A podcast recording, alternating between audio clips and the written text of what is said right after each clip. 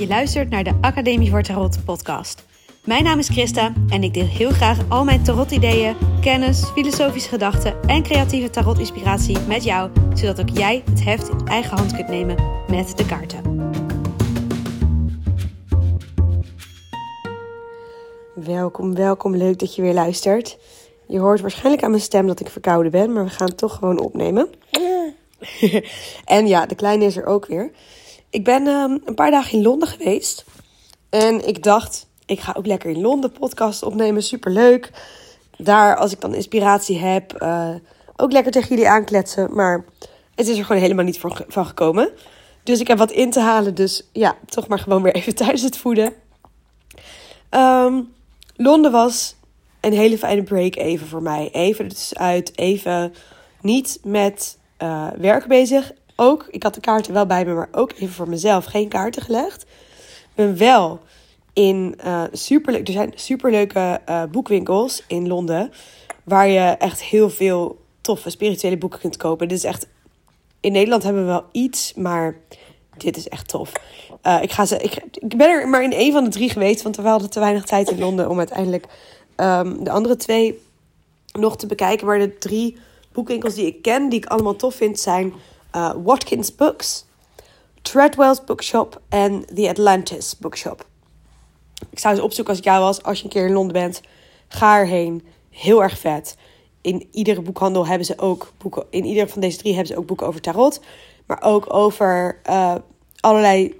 Ja, Watkins is het breedst. Die hebben allerlei spirituele uh, boeken. Ook vanuit de islam, vanuit het christendom.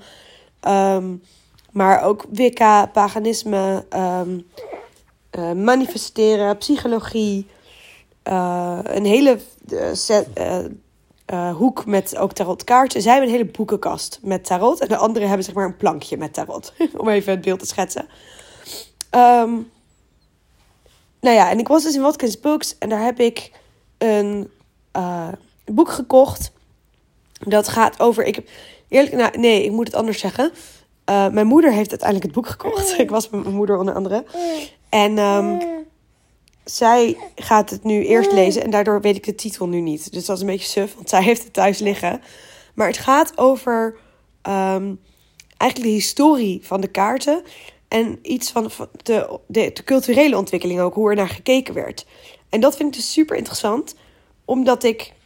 Um, ik vind het altijd heel boeiend om te zien dat tarot door de jaren heen op verschillende manieren gebruikt is. En dat mensen die op een bepaalde manier naar de kaarten kijken, er vaak van overtuigd zijn dat dat de manier is. Of dat dat de manier is zoals het moet, of zoals het altijd geweest zou zijn. Maar dat is dus helemaal niet. Er is niet één manier om met de kaarten te werken. Er is niet één juiste manier. Er is niet één manier die van oudsher al uh, de juiste was. En ik denk dat het super belangrijk is dat als je met de kaarten werkt, dat je ook een beetje dat historische besef hebt. Dat hoe wij nu met de kaarten werken, dat dat heel anders is dan hoe er in 1900 uh, met de kaarten gewerkt werd toen uh, Arthur Edward Wade zijn kaarten uitbracht. En dat dat alweer anders was dan hoe ze ermee omgingen toen de allereerste kaartendeks verschenen in de 15e eeuw in Italië, weet je. Um, en die ontwikkeling is super interessant. En ik, ik wil er dus heel graag meer over weten en dus meer over lezen. Dus um, dat ga ik zeker doen. En mijn moeder, heeft, mijn moeder leest heel veel, heeft, is heel breed geïnteresseerd. Uh, maar ik vond het heel leuk dat ze dus nu ook op deze manier ook een beetje in, zich in mijn wereld zeg maar, wil verdiepen. Vanuit een hoek die zij uh, snapt en interessant vindt. Namelijk vanuit de geschiedenis, vanuit uh, hoe dingen zich ontwikkelen, vanuit cultuur. En niet dus vanuit ja, het spirituele gebruik zeg maar, van de kaarten. Want dat ja, staat wat verder van haar af. Ik denk, denk dat ik dat wel zo mag zeggen.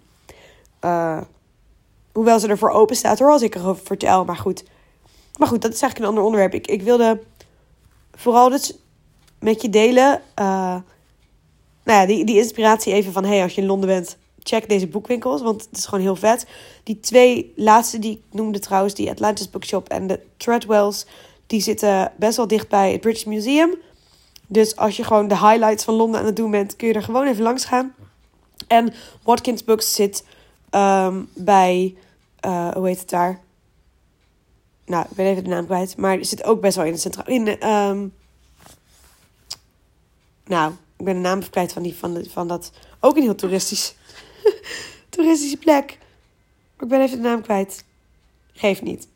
Uh, in elk geval, die inspiratie wilde ik even met je meegeven. En ook het stukje van: hey, uh, wees je bewust van die, van die historische context. Of vooral ook van het feit dat jij zelf in een. Jij bent deel van een bepaalde culturele groep, van een bepaalde stroming, van een bepaalde. Jij bent ook zeg maar een persoon in de tijd.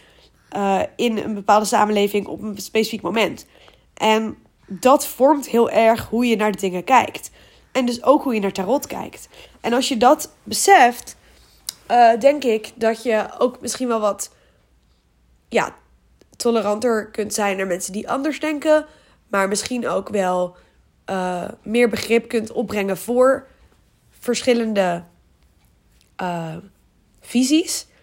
En, en dat je ook een beetje, dat is misschien nog wel het voornaamste, je eigen visie blijft bevragen. En ook je eigen visie niet altijd voor waar aanneemt. Maar denkt van hé, hey, er zijn meerdere visies. Waar zijn die allemaal uit ontstaan? Hoe is dat zo gekomen? Hoe komt het dat ik mezelf plaats in een bepaalde groep of in een bepaalde zienswijze? En wil ik dat ook? Is dat ook wat bij me past? Is dat ook hoe ik er naar wil kijken? Je raakt zo makkelijk beïnvloed door dingen die je leest of ziet van hoe anderen iets doen, dat je dat normaal vindt. En denk dat dat het juiste is. Terwijl, uh, ja, het zijn allemaal maar momentopnamen in de geschiedenis of zo. Hoe we naar tarot kijken. En hoe ik nu naar tarot kijk, is misschien ook niet hoe ik naar tarot kijk over een jaar, weet je wel. En dat, dat is oké, en dat is goed. Dat is persoonlijke ontwikkeling. Ik denk heel erg dat dat is waar het uiteindelijk om gaat. Of zo. oké, nou, mijn verkoude hoofd heeft genoeg, genoeg gepraat. Ik uh, hoop dat je hem weer inspirerend vond. Tot de volgende.